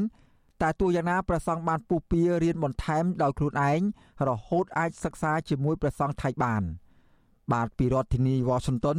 លោកទីនសាការីយ៉ារាយការណ៍ពិស្ដាជុំវិញព័ត៌មាននេះ ប្រសង់ខ្មែរមួយចំនួនតស៊ូជំនះការលំបាកគ្រប់បែបយ៉ាងសិក្សានៅតាមសាកលវិទ្យាល័យផ្នែកព្រះពុទ្ធសាសនានានានៅប្រទេសថៃដើម្បីយកចំណេះវិជ្ជាទៅសាបព្រោះដល់កូនខ្មែរឲ្យបានយល់ដឹងបន្ថែមទៀតទាក់ទងនឹងវិស័យសាសនា ជាពិសេសពាក្យទូរមានរបស់ព្រះពុទ្ធការសិក្សារបស់ព្រះសង្ឃនៅទីនេះគឺមានព្រះសង្ឃដែលជាសិស្សច្បងបានណែនាំព្រះសង្ឃដែលទើបតែមករៀនថ្មីថ្មងឲ្យចេះសម្របខ្លួនតាមរបៀបរបបព្រះសង្ឃថៃដើម្បីងាយស្រួលក្នុងការរស់នៅនិងរៀនសូត្រ ប្រសង់កំពុងសិក្សាឆ្នាំទី3ផ្នែកសង្គមវិទ្យានៅសាកលវិទ្យាល័យមហាកតរាជវិទ្យាល័យមានស្រុកកំណើតនៅខេត្តកំពង់ចាមព្រះភិក្ខុត្រីអក្សរា មានត្រាធិការថាព្រះអង្គមកសិក្សានៅប្រទេសថៃក៏ចង់ស្គាល់វប្បធម៌និងអរិយធម៌ផ្នែកព្រះពុទ្ធសាសនានិងបានឆ្វេងយល់បន្ថែមទៀតពីការគោរពប្រតិបត្តិសាសនារបស់ពលរដ្ឋថៃព្រះភិក្ខុរូបនេះមានត្រាធិការបន្តថាការសិក្សាអប់រំរបស់ព្រះសង្ឃនៅក្នុងប្រទេសថៃ មានបែបបទទំនើបជាងព្រះសង្ឃនៅកម្ពុជាហើយព្រះអង្គបដិញ្ញាខិតខំរៀនសូត្រយកចំណេះដឹងថ្មីថ្មីដើម្បីយកទៅបណ្ដោះបណ្ដាលដល់ប្រជាពលរដ្ឋខ្មែរ។ ចឹងទៅធ្វើឲ្យវាមានខុសប្លែកដោយសារនេះគេមានរៀនអភិធម្មរៀនទាំងបាលីរៀនទាំងសំស្ក្រឹតអញ្ចឹងទៅវាលាយចូលគ្នាព្រោះផ្នែកអាត្មារៀនវាពុទ្ធសាសនាសង្គមអញ្ចឹងទៅវាតកតជាមួយនឹងពុទ្ធសាសនាផងការរស់នៅក្នុងសង្គមផងទៅវាលាយឡំគ្នាតែបើនៅខ្មែរយើងបើសិនជារៀននៅសាលាក្រៅគឺមានតែជំនាញអញ្ចឹងទៅបើសិនជារៀននៅសាលាលោកពុទ្ធកៈអញ្ចឹងទៅយើងមានតែតកតជាមួយនឹងបាលីតកតមួយពុទ្ធសាសនាដូចគ្នាក៏ប៉ុន្តែវាអត់សូវលេខថាបោះក្បាយទៅអានេះតាមបទសមកស្លាប់ចូលមកអញ្ចឹងស្រដៀងគ្នាដែរព្រះសង្ឃមួយអង្គទៀតដល់សិក្សានៅសាកលវិទ្យាល័យមហាកតរាជវិទ្យាល័យសិក្សាឆ្នាំទី1ផ្នែកវិទ្យាសាស្ត្រនយោបាយមានស្រុកកំណើតនៅភ្នំពេញ មានថ្នាក់ឯកាថា ការដែលព្រះអង្គបានទៅរៀននៅប្រទេសថៃគឺជាភពសំណាងរបស់ព្រះអង្គក៏ប៉ុន្តែមានការលំបាកខ្លះដែរជាពិសេសផ្នែកភាសាថៃដោយសារតែព្រះអង្គស្ដាប់គ្រូពន្យល់មិនបាន តែក្រោយមកព្រះអង្គខិតខំរៀនសូត្រភាសាថៃដោយខ្លួនឯង ទើបស្ដាប់យល់វិញព្រះអង្គមានថ្នាក់ដឹកការថាព្រះអង្គនឹងតាំងចិត្តក្រេបយកចំណេះដឹងល្អល្អយកទៅបង្រៀនកូនខ្មែរនៅអាស្រុកកំណើតរបស់ព្រះអង្គព្រះអង្គលើកឡើងថាសង្គមមួយដែលល្អផូរផង់ទៅបានលុះត្រាតែមានអ្នកចេះដឹងច្រើនព្រោះអ្នកចេះដឹងគឺជាគ្រឹះសម្រាប់កសាងសង្គមឲ្យរុងរឿង។ មានការងារមួយអាចជួយសង្គមដែលបើអាត្មាបានអាត្មានឹងអាចទៅបកទៅជួយនឹងសង្គមដែលអាត្មាបានរៀនពីនេះយកពីចំណេះដឹងនៅទីនេះនឹងការស្វែងយល់ព្រមជក់ពីនេះទៅដើម្បីអនុវត្តនៅស្រុកយើងវិញនឹងចែករំលែកដល់ចែករំលែកបទពិសោធន៍ដល់យុវជនឬក៏បងប្អូនឬក៏ប្រសង់ជាបងប្អូនអីចឹងអាចចែករំលែកបានគឺចែករំលែកឲ្យមានការថារៀនយ៉ាងម៉េចធ្វើយ៉ាងម៉េចដើម្បីមានចំណេះដឹងមានផ្លូវទៅមុខដើម្បីធ្វើឲ្យធ្វើជាអ្នកអត្រក្នុងពុទ្ធសាសនាល្អអីចឹងញោម ព្រះសង្ឃខ្មែរដែលមកសិក្សានៅប្រទេសថៃភាគច្រើនមកតាមសមាគមព្រះសង្ឃខ្មែរនានានៅតាមសាកលវិទ្យាល័យខាងព្រះពុទ្ធសាសនាការរស់នៅរបស់ព្រះសង្ឃខ្មែរនៅប្រទេសថៃគឺអាស្រ័យលើការនិមន្តបិណ្ឌបាតតាមផ្ទះអ្នកស្រុកថៃដើម្បីបានចង្ហាន់ឆាន់និងបច្ច័យសម្រាប់បង់ថ្លៃសាលាព្រះសង្ឃខ្មែរដែលសិក្សានៅប្រទេសថៃភាគច្រើនសិក្សាដោយបង់ប្រាក់ដោយខ្លួនឯងតកតងនឹងបញ្ហានេះវិទ្យុអាស៊ីសេរីមិនអាចតកតងមន្ត្រីស្ថានទូតខ្មែរប្រចាំនៅទីក្រុងបាងកក និងអ្នកនាំពាក្យក្រសួងធម្មការនិងសាសនាលោកសេងសូមនីដើម្បីសំសួរអំពីបញ្ហានេះបានទេនៅថ្ងៃទី4ដុល្លាររីឯជំនួយការផ្ទាល់របស់រដ្ឋមន្ត្រីក្រសួងធម្មការនិងសាសនាលោកហុងវ៉ាន់ដេតប្រាប់វិទ្យុអសិរ័យថាប្រសង់ដែលបានទៅសិក្សានៅក្រៅប្រទេសជាធនធានមនុស្សរបស់កម្ពុជាមួយប្រសើរដោយសារតែប្រសង់អាចជួយក្នុងការបណ្ដោះបណ្ដាលយុវជនយុវតីឲ្យក្លាយជាមនុស្សល្អនៅក្នុងសង្គមបានលោកបន្ថែមថាប្រសង់ខ្លះ មានសមត្ថភាពអាចបម្រើការងារតាមក្រសួងស្ថាប័នរដ្ឋនានាបានទៅតាមចំណេះជំនាញដែលព្រះអង្គបានសិក្សានៅក្រៅប្រទេស ប្រថងដែលទៅរៀនផ្នែកទុនធានទាំងអស់ហ្នឹងមកវិញគឺគាត់បានជួយការងារពុទ្ធសាសនានិងការងារគុំបានច្រើនអ្នកខ្លះមកវិញក៏គាត់ដឹកនាំក្រុមហ៊ុនអ្នកខ្លះមកវិញក៏គាត់ដឹកនាំអង្គការអញ្ចឹងណាហើយខ្លះក៏បានដឹកនាំនៅក្នុងស្ថាប័នរដ្ឋនឹងដែរអញ្ចឹងអ្នកមានរហូតដល់អ្នកខ្លះអនុរដ្ឋលេខាធិការរដ្ឋលេខាធិការដែរជុំវិញនឹងរឿងនេះដែរព្រះប្រធានមូលនិធិព្រះពុទ្ធសាសនាដើម្បីការអប់រំនៃកម្ពុជា ព្រះភិក្ខុហាក់សៀងហៃមានត្រាដីកាថាប្រសង់ខ្មែរដែលសិក្សានៅក្រៅប្រទេសជាកម្លាំងស្នូលមួយសម្រាប់ញ៉ាំងឲ្យព្រះពុទ្ធសាសនាឲ្យរីកចម្រើនបានច្រើននិងជាធនធានមនុស្សដ៏ល្អសម្រាប់សង្គមព្រោះពេលដែលប្រសង់បានចេះដឹងហើយប្រសង់តែងតែយកចំណេះដឹងនោះមកអប់រំបរិបទតាមភូមិស្រុកឲ្យคล้ายជាបរិបទល្អព្រះភិក្ខុហាក់សៀងហៃមានរដ្ឋាភិការបន្តថាបច្ចុប្បន្នប្រសង់ក៏ជាធនធានមនុស្សមួយសម្រាប់ការអភិវឌ្ឍសង្គមដែរ ហើយក៏ជាផ្នែកមួយជួយទ្រទ្រង់ព្រះពុទ្ធសាសនាឲ្យគង់វង្សព្រោះព្រះពុទ្ធសាសនាជាសាសនារបស់រដ្ឋស្របតាមរដ្ឋធម្មនុញ្ញ។ ក៏ថាដោយតាមវិស័យសាសនាត្រឡប់មកវិញក៏លោកជួយជាពង្រឹងការអប់រំការបណ្ដុះបណ្ដាលអីច្រើនចឹងដែរឧទាហរណ៍ប្រសង់យើងរៀនចប់ពីថៃប្រហែលប្រយោគប្រហែលប្រយោគអញ្ចឹងមកវិញលោកជួយហាត់រៀនឲ្យភាសាបាលីហើយខាងរៀនចប់បញ្ញាបត្រឬចប់មិនអីយ៉ាងណាក៏អាចជាសាស្ត្រាចារ្យនៅតាមសាកលវិទ្យាល័យពុទ្ធសាសនាយើងរបាយការណ៍របស់សមាគមប្រសង់ខេមរៈសង្ឃហធរប្រចាំប្រទេសថៃ ឲ្យដឹងថាបច្ចុប្បន្នមានប្រសង់ខ្មែរជាង200អង្គកំពុងសិក្សាតាមសាកលវិទ្យាល័យនានានៅប្រទេសថៃហើយប្រសង់ទាំងនោះតែងតែជួយយកអាសាគ្នាណែនាំគ្នាឲ្យរៀនសូត្រនិងប្រតិបត្តិល្អតាមគន្លងព្រះពុទ្ធសាសនាខ្ញុំទីនសាការីយ៉ាអសិសរីប្រធានីវ៉ាស៊ីនតោន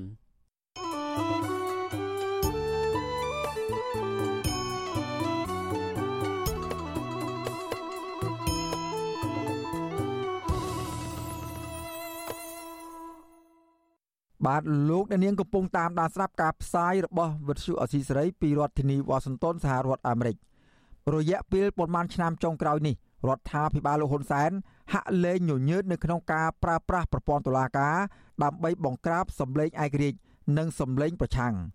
ជាមួយគ្នានេះច្បាប់មួយចំនួនត្រូវបានបង្កើតឡើងឬកែប្រែទៅតាមទំនឹងចិត្តរបស់មេដឹកនាំគណៈបកកណ្ដាលអំណាចដើម្បីជាប្រយោជន៍ផ្ទាល់ខ្លួនជាជាងប្រយោជន៍ជាតិ មនុស្សគន្លឹះដែលនៅពីក្រោយរឿងទាំងនេះគឺរដ្ឋមន្ត្រីក្រសួងយុទ្ធភ័ពគឺលោកកើតរិទ្ធតើ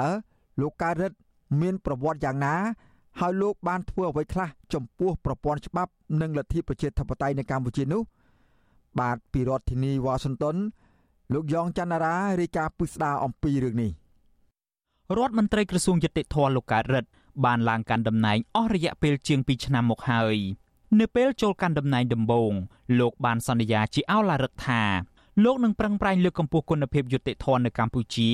និងស្មោះត្រង់ចំពោះជាតិខ្ញុំសូមធ្វើការបដិញ្ញាចិត្តពង្រឹងប្រព័ន្ធអភិបាលកិច្ចល្អដើម្បីធ្វើជាស្នូលក្នុងការដឹកនាំវិស័យយុតិធធក៏ដូចជាធានាសាមគ្គីភាពផ្ទៃក្នុងក្នុងជួរថ្នាក់ដឹកនាំនៃវិស័យនេះដើម្បីឲ្យមានការចូលរួមអនុវត្តប្រកបដោយការទទួលខុសត្រូវខ្ពស់ក្នុងបុព្វហេតុនៃការងារកំណែតម្រង់ពង្រឹងសុចរិតភាពនិងភាពត្រឹមត្រូវនៃការអនុវត្តការងាររបស់មន្ត្រីតុលាការ តាមរយៈការពង្រឹងវិន័យនិងសិលធម៌វិជ្ជាជីវៈក្នុងវិស័យនេះសម្ដៅលើកកម្ពស់កិត្តិយសនិងសេចក្តីថ្លៃថ្នូរនៃអង្គតុលាការបន្ថែមទៀត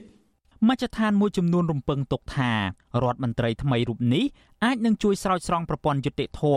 ដែលកំពុងតែចុះទុនខ្សោយនោះឲ្យមករឹងមាំវិញតាមរយៈការរៀនសូត្រផ្នែកច្បាប់បានជ្រៅជ្រះរបស់លោកក៏ប៉ុន្តែលទ្ធផលហាក់ផ្ទុយពីនេះលោកកើតរិទ្ធ បានប្រែក្លាយប្រព័ន្ធយុតិធធឲ្យទៅជាអាវុធដ៏មុតស្រួចសម្រាប់លោកនាយរដ្ឋមន្ត្រីហ៊ុនសែនដើម្បីកម្ចាត់សម្លេងប្រឆាំងនិងសម្លេងឯករាជ្យទៅវិញក្រោមអាណត្តិគ្រប់គ្រងរបស់លោកកើតរិទ្ធប្រព័ន្ធយុតិធធកម្ពុជា នៅតែរងការរិះគន់ថាគ្មានភាពឯករាជ្យនិងស្ថិតក្រោមការបង្គាប់បញ្ជារបស់គណៈបកកណ្ដាលអំណាច តុលាការបានដំណើរការរឿងក្តីជាច្រើនដែលមានចរិតនយោបាយប្រឆាំងនឹងសកម្មជននយោបាយសមាជិកសង្គមស៊ីវិលយុវជន និងអ្នកបញ្ចេញមតិរិះគន់រដ្ឋាភិបាល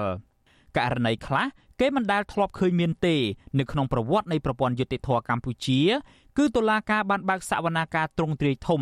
ដែលមានជនជាប់ចោតរាប់សិបនាក់រហូតដល់រាប់រយនាក់សវនាការទាំងនោះទោះជាគ្មានភ័ស្តុតាងដាក់បន្ទុកគ្រប់គ្រាន់ក៏ដោយ ក៏អាចឲ្យតុលាការផ្ដន់ទោសកម្មជននយោបាយសមាជិកសង្គមស៊ីវិលនិងអ្នករិះគន់រដ្ឋាភិបាលជាបន្តបន្ទាប់ពីបទរួមគំនិតក្បត់ និងបទញុះញង់ជាការពិតថាលោកកើតរិទ្ធមិនមែនជាចៅក្រមកាត់សេចក្តីរឿងទាំងនេះទេក៏ប៉ុន្តែនៅក្នុងទួនាទីជារដ្ឋមន្ត្រីក្រសួងយុតិធធលោកមានសិទ្ធិបញ្ជាព្រះរាជអាជ្ញានៅទូទាំងប្រទេស គឺព្រះរាជអាជ្ញាឬតំណាងអัยការនេះហើយដែលជាអ្នកចោទប្រកាន់និងបញ្ជាឲ្យចាប់ខ្លួនសកម្មជននយោបាយសមាជិកសង្គមស៊ីវិលនិងអ្នករិះគន់រដ្ឋាភិបាលយកទៅដាក់ពន្ធនាគារម្យ៉ាងវិញទៀតនៅក្នុងសំណុំរឿងដែលមានចរិតនយោបាយបែបនេះបើព្រះរាជអាជ្ញាចោតប្រកាន់បែបណាហើយនោះចៅក្រមច្រើនតែសម្រេចសេចក្តីទៅតាមបទចោតប្រកាន់នោះ នាយករងទទួលបន្ទុកកិច្ចការតំបន់អាស៊ីនៃអង្គការឃ្លាំមើលសិទ្ធិមនុស្សអន្តរជាតិ Human Rights Watch លោក Phil Robertson មានប្រសាសន៍ថាប្រព័ន្ធយុតិធម៌នៅកម្ពុជាមិនមានអ្វីប្រសើរឡើងនោះទេ នៅក្នុងអាណត្តិរបស់លោកកើតរិទ្ធពីព្រោះតុលាការស្ថិតនៅក្រោមការបង្គាប់បញ្ជាផ្នែកនយោបាយរបស់គណៈបកប្រជាជនកម្ពុជារួចទៅហើយ any idea that somehow there's going to be reform មតិដែលថាមានកំណែតម្រង់ប្រព័ន្ធយុតិធម៌នៅកម្ពុជានេះ គឺគ្រាន់តែជាការស្រមើលស្រមៃខុសពីការពិត ការអះអាងទាំងឡាយអំពីកំណែតម្រង់ប្រព័ន្ធយុតិធម៌ប្រៀបបានទៅនឹងផ្សែងដែលរសាត់តាមខ្យល់រដ្ឋាភិបាលកម្ពុជានិយាយបែបនេះគឺដើម្បីព្យាយាមធ្វើយ៉ាងណាឲ្យសហគមន៍អន្តរជាតិនៅតែរាប់រកឬក៏ដើម្បីឲ្យម្ចាស់ជំនួយបន្តផ្ដល់លុយកាក់ឲ្យពួកគេប៉ុន្តែធៀបពិតនោះគឺពួកគេគ្មានចេតនាពិតប្រាកដក្នុងការលើកស្ទួយប្រព័ន្ធយុទ្ធធម៌ឡើយរដ្ឋាភិបាលកម្ពុជា និងគណៈបកកណ្ដាលអំណាចគ្មានការបដិញ្ញាចិត្តផ្នែកនយោបាយណាមួយ ដើម្បីផ្លាស់ប្តូរប្រព័ន្ធសពថ្ងៃនេះទេ ពីព្រោះពួកគេទទួលបានផលប្រយោជន៍ពីប្រព័ន្ធយុទ្ធធរបែបចំណាប់ខ្មាំងនិងតុលាការដែលគ្រប់គ្រងដោយអ្នកនយោបាយសពថ្ងៃនេះ from politically controlled courts លោកកើតរិទ្ធគឺជាមន្ត្រីជាន់ខ្ពស់ទាំងនៅក្នុងជួររដ្ឋាភិបាល និងនៅក្នុងជួរបក លោកគឺជាសមាជិកគណៈកម្មាធិការកណ្ដាលគណៈបកប្រជាជនកម្ពុជា និងជាអនុប្រធានទី1ក្រុមការងារគណៈបកចោះជួយស្រុកមងរុស័យខេត្តបាត់ដំបងលោកគឺជាមនុស្សម្នាក់ដែលចេញមុខគាំទ្រយ៉ាងពេញទំហឹងចំពោះការជ្រើសរើសលោកហ៊ុនម៉ាណែត ជាបេក្ខជននាយករដ្ឋមន្ត្រី បន្តវេនពីលោកហ៊ុនសែនអ្នកនាំពាក្យគណៈបកកណ្ដាលអំណាចលោកសុកអេសានឲ្យដឹងថាលោកកើតរិទ្ធមានចំណេះដឹងខ្ពស់ផ្នែកច្បាប់និងទទួលបានទំនុកចិត្តពីថ្នាក់ដឹកនាំគណៈបកលោកបញ្ជាក់ថា រដ្ឋមន្ត្រីក្រសួងយុតិធធរូបនេះក៏ជាអ្នកបន្តវេនមួយរូបរបស់គណៈបកប្រជាជនកម្ពុជាផងដែរគោលការណ៍របស់គណៈបកប្រជាជនកម្ពុជាគឺផ្ដល់អធិភាពទៅលើមន្ត្រីវ័យក្មេងដែលបន្តវេនដែលជាទំពាំងស្នងរិស័យអាហ្នឹងគឺថាមិនមែនចំពោះតែអាដាមកើតទេក៏ប៉ុន្តែដែលគាត់ចេញមុខមាត់ខ្លាំងនោះគឺថាដោយសារវាពាក់ព័ន្ធនឹងវិស័យច្បាប់ដែលពាក់ព័ន្ធនឹងជំនាញរបស់អាដាមកើតរិទ្ធបាទ លោកកើតរិទ្ធមានអាយុ43ឆ្នាំលោកកើតនៅឆ្នាំ1979នៅក្នុងស្រុកព្រៃឈរខេត្តកំពង់ចាមលោកបានបញ្ចប់ការសិក្សាថ្នាក់បរិញ្ញាបត្រផ្នែកច្បាប់ពីសាកលវិទ្យាល័យភូមិន្ទនីតិសាស្ត្រនិងវិទ្យាសាស្ត្រសេដ្ឋកិច្ចឬដែលគេនិយមហៅថាសាលារូលនៅក្នុងឆ្នាំ1999លោកទទួលបានអាហារូបករណ៍ទៅសិក្សាបន្តនៅសាកលវិទ្យាល័យលីយ៉ុងប្រទេសបារាំងដែលនៅទីនោះ លោកទទួលបានសញ្ញាបត្រថ្នាក់បរិញ្ញាបត្រនីតិឯកជនព្រមទាំងបរិញ្ញាបត្រជាន់ខ្ពស់ផ្នែកច្បាប់ព្រហ្មទណ្ឌនិងវិទ្យាសាស្ត្រនៃបទឧក្រិដ្ឋលោកកើតរិទ្ធបានវិលត្រឡប់មកប្រទេសកម្ពុជាវិញនៅអំឡុងឆ្នាំ2002និងបានចាប់ផ្ដើមអាជីពជាសាស្ត្រាចារ្យនៅសាលារូលរហូតដល់ឆ្នាំ2016លោកធ្លាប់បានបម្រើការនៅក្រសួងចំនួន3រួមមានក្រសួងអប់រំនៅចន្លោះពីឆ្នាំ2003ដល់ឆ្នាំ2005 មន្ត្រីក្រសួងសេដ្ឋកិច្ចចន្លោះពីឆ្នាំ2005ដល់ឆ្នាំ2012និងលេចមុខជាមន្ត្រីជាន់ខ្ពស់ក្រសួងយុតិធធចាប់ពីឆ្នាំ2007រហូតដល់ក្លាយជារដ្ឋមន្ត្រីក្រសួងយុតិធធនៅចុងខែមីនាឆ្នាំ2020អ្នកវិភាគនយោបាយចាស់វសា និងជាអ្នកជំនាញផ្នែកច្បាប់បណ្ឌិតឡាវម៉ុងហៃក៏សម្គាល់ថាបញ្ញវន្តខ្មែរដែលមកពីស្រុកបារាំងច្រើនតែស្រឡាញ់អំណាចនិងធ្វើអ្វីគ្រប់បែបយ៉ាងដើម្បីតែអំណាចរបស់ខ្លួន គឺយើងនឹងច្រើនតែទៅយកអ្វីដែលអាក្រក់ពីដែលដើម្បីអីដើម្បីអំណាចបាទរបស់ខ្លួនហ្នឹងបាទហើយអ្នកទៅរៀនសុខបារាំងនេះគឺចូលចិត្តណារឿងអំណាចហ្នឹងបាទមិនសូវចូលចិត្តធ្វើការនៅក្នុងផ្នែកសង្គមស៊ីវិលទេចាំថាមើលទៅគឺច្រើនចូលចិត្តរឿងអំណាចហ្នឹងដូច្នេះអ្វីដែលអាចជួយឲ្យគេមានអំណាចនិងទ្រទ្រង់អំណាចបកើនអំណាចមកគេនេះគេអនុវត្តទៅ ការលើកឡើងរបស់បណ្ឌិតឡាវម៉ុងហៃនេះហាក់ឆ្លុះបញ្ចាំងការពិតចំពោះករណីលោកកើតរិទ្ធលោកកើតរិទ្ធបានក្លាយជារដ្ឋមន្ត្រីយុតិធននៅពាក់កណ្ដាលអាណត្តិដ៏គួរឲ្យភ្ញាក់ផ្អើលនៅក្នុងឆ្នាំ2020ក្រោយពេលលោកហ៊ុនសែនបានក្រសោបយកអំណាចរដ្ឋទាំងអស់មកក្តោបក្តាប់តែម្នាក់ឯងជោគជ័យរបស់លោកហ៊ុនសែននេះមួយចំណែកធំគឺជាស្នាដៃរបស់លោកកើតរិទ្ធនេះឯងលោកកើតរិទ្ធ គឺជាមនុស្សគន្លឹះនៅក្នុងការរៀបចំ និងកែប្រែច្បាប់ជាច្រើន ដែលមានចរិតគៀបសង្កត់សិទ្ធិសេរីភាព និងប្រជារដ្ឋធម្មនុញ្ញច្បាប់សំខាន់សំខាន់ដែលលោកកើតរិទ្ធបានចូលរួមតាក់តែងនិងកែប្រែនោះរួមមាន ក្រមព្រហ្មទណ្ឌក្រមនីតិវិធីព្រហ្មទណ្ឌច្បាប់3តាក់ទងទៅនឹងការគ្រប់គ្រងតុលាការច្បាប់បោះឆ្នោត ច្បាប់អង្គការសមាគមច្បាប់សហជីពច្បាប់គ្រប់គ្រងប្រទេសនៅក្នុងភាពអាសន្ននិងវិសោធនកម្មច្បាប់គណៈបកនយោបាយជាដើម ច្បាប់ស្តីពីវិសោធនកម្មច្បាប់គណៈបកនយោបាយនេះត្រូវបានក្រុមអ្នកច្បាប់វាយតម្លៃថា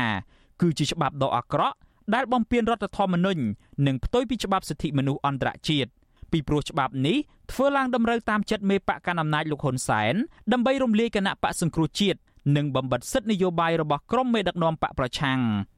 មានរឿងមួយដែលប្រហែលជាគ្មានអ្នកច្បាប់ណាម្នាក់ហ៊ានធ្វើដោយលោកកើតរិទ្ធនោះទេ នោះគឺជាការរៀបចំកែប្រែរដ្ឋធម្មនុញ្ញជាច្រើនលើកច្រើនសារឲ្យលោកហ៊ុនសែនដែលជាការធ្វើឲ្យច្បាប់កម្ពុជាមួយនេះបាត់បង់អនុភាពរបស់ខ្លួន ជាពិសេសវិសោធនកម្មលើកទី10ដែលលោកកើតរិទ្ធបានធ្វើជាកាដូឲ្យលោកហ៊ុនសែននៅមុនការបោះឆ្នោតតំណាងរាស្ត្រនៅឆ្នាំក្រោយនេះអ្នកច្បាប់បានពន្យល់ថាវិសោធនកម្មរដ្ឋធម្មនុញ្ញលើកទី10នេះគឺជាការច្បាមយកអំណាចពីរដ្ឋសភាដោយស្រស់ស្រស់ ពីព្រោះគណៈបកឈ្នះឆ្នោតអាចបញ្ជូនឈ្មោះបេក្ខជននាយករដ្ឋមន្ត្រីទៅព្រះមហាក្សត្រដោយផ្ទាល់ដោយមិនចាំបាច់ឆ្លងថ្នាក់ដឹកនាំរដ្ឋសភា គឺប្រធាន និងអនុប្រធានរដ្ឋសភាទាំងពីរឡើយការកែរដ្ឋធម្មនុញ្ញលើកទី10នេះគឺជាការធ្វើតម្រូវចិត្តលោកហ៊ុនសែនដែលកំពុងតែត្រួសត្រាយផ្លូវឲ្យកូនប្រុសច្បងរបស់លោកគឺលោកហ៊ុនម៉ាណែតអាចក្លាយជានាយករដ្ឋមន្ត្រីបន្តត្រកូលពីលោកវិទ្យុអាស៊ីសេរីបានព្យាយាមតាក់ទងលោកកើតរិទ្ធជាច្រើនដងដើម្បីឆ្លើយតបទៅនឹងរឿងនេះ ក៏ប៉ុន្តែទូរស័ព្ទចូលពុំមានអ្នកទទួលខណៈអ្នកនាំពាក្យក្រសួងយុតិធធលោកចិនម៉ាលីនបានបដិសេធមិនផ្ដល់បទសម្ភាសរឿងនេះទេទោះជាយ៉ាងណាលោកកើតរិទ្ធបានថ្លែងនៅក្នុងសន្និសីទសារព័ត៌មានតាក់ទងទៅនឹងការកែរដ្ឋធម្មនុញ្ញលើកទី10កាលពីខែកក្កដាថាលោកមានមោទនភាពដែលបានចូលរួមចំណែកកែប្រែច្បាប់កម្ពុជាមួយនេះសូម្បីតែអ្នកចូលរួមក្នុងការកែអញ្ចឹងវាក៏ជាផ្នែកមួយនៃពាក្យដែលថាឧត្តមកតិជាតិ ធ្វើឲ្យខ្មែរយើងមោទនភាពមានអីខុសជាតិខ្មែរយើងឥឡូវយើងទាំងអស់គ្នាគ្រប់គ្រងជាតិខ្មែរយើងមានមោទនភាពអត់ក្រៅពីការកែប្រែនិងបង្កើតច្បាប់បម្រើប្រយោជន៍នយោបាយឲ្យលោកហ៊ុនសែននោះគេនៅមិនទាន់ឃើញលោកកើតរិទ្ធសាងស្នាដៃអ្វីជាដុំកំភួននៅឡើយទេតាក់ទងទៅនឹងការពង្រឹងប្រព័ន្ធយុតិធធម៌របស់ជាតិលោកធ្លាប់បានប្រកាសបង្កើតយុទ្ធនាការដោះស្រាយការកកស្ទះសំណុំរឿងនៅតាមតុលាការខេត្តក្រុងដើម្បីឈានទៅបន្ធូរបន្ថយភាពចង្អៀតណែននៃអ្នកជាប់ឃុំដែរ ក៏ប៉ុន្តែយុទ្ធនាការនេះនៅតែមិនអាចដោះស្រាយបញ្ហាចង្អៀតណែននៅក្នុងពន្ធនាគារបាននៅឡើយទេអតីតតំណាងរាជគណៈបកសង្គ្រោះជាតិលោកអេងឆៃអៀងមានប្រសាសន៍ថាលោកការ៉ិតមិនមែនជាអ្នកកែតម្រង់នោះទេផ្ទុយទៅវិញរដ្ឋមន្ត្រីក្រសួងយុតិធធរូបនេះគឺគ្រាន់តែជាបុគ្គលម្នាក់ដែលលោកហ៊ុនសែនយកមកប្រើ ដើម្បីឲ្យកែប្រែ ឬក៏បង្កើតច្បាប់ណា ដើម្បីបម្រើផលប្រយោជន៍នយោបាយឲ្យលោកតែប៉ុណ្ណោះ លោកហ៊ុនសែនគាត់ត្រូវជ្រើសរើសសេនាធិការរបស់គាត់ដែលជាអ្នកវិឆ្លាតហើយសុចិត្តធ្វើអីតាមបង្គាប់បញ្ជារបស់គាត់ទោះបីខុសក៏ដោយដែលយើងឃើញច្បាប់ទាំងអស់ច្បាប់ចុងក្រោយនេះទាំងអស់នេះណាគឺបំរើឲ្យប្រយោជន៍ហ៊ុនសែនក្រុមប្រឹក្សាហ៊ុនសែនឬបពហ៊ុនសែនប៉ុណ្ណឹងទេមិនមែនសម្រាប់ប្រយោជន៍សាធារណៈប្រយោជន៍សង្គមទេហើយចំពោះលោកកែដិតពីឆ្នាំក្រុមនេះគឺគាត់ជាឧបករណ៍ដ៏ល្អដ៏មុតស្រួចសម្រាប់ការពារតកូលហ៊ុនលោកកើតរិទ្ធមានឈ្មោះនៅក្នុងបញ្ជី នៃជនដែលត្រូវដាក់ទណ្ឌកម្មនៅក្នុងច្បាប់ប្រជាធិបតេយ្យកម្ពុជាឆ្នាំ2018ដែលសហភាពអាមេរិកបានអនុម័តកាលពីខែកក្កដាឆ្នាំ2018ថ្មីត្បិតតែច្បាប់នេះមិនបានចូលជាធរមានក៏ដោយក៏លោកកើតរិទ្ធបានជាប់ឈ្មោះថាជាអ្នកចូលរួមបំផ្លាញប្រជាធិបតេយ្យនិងរំលោភសិទ្ធិមនុស្សធ្ងន់ធ្ងររួចទៅហើយហេតុដូចនេះក្តីរំពឹងទុកថាលោកកើតរិទ្ធនឹងជួយពង្រឹងប្រព័ន្ធយុតិធធឲ្យរឹងមាំវិញនោះ គឺហាក់ដូចជាការរងចាំឲ្យសេះដោះស្នែងយ៉ាងដូចនេះដែរខ្ញុំយ៉ងច័ន្ទដារាវិទ្យុអាស៊ីសេរីរាយការណ៍ពីរដ្ឋធានី Washington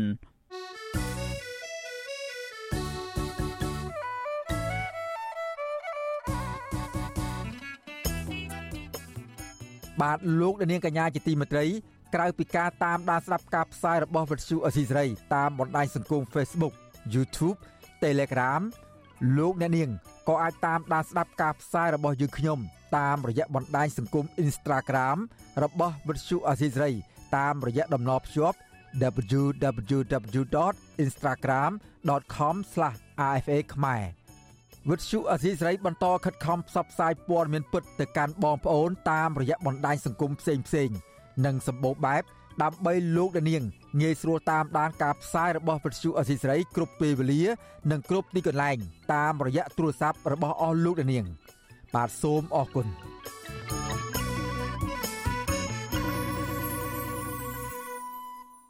បាទលោកនាងកញ្ញាជាទីមេត្រី ការផ្សាយរយៈពេល1ម៉ោងសម្រាប់ព្រឹកនេះរបស់វិទ្យុអសីសេរី បានឈានដល់ទីបញ្ចប់ហើយខ្ញុំបាទសេកបណ្ឌិត ព្រមទាំងក្រុមការងារទាំងអស់នៃវិទ្យុអសីសេរី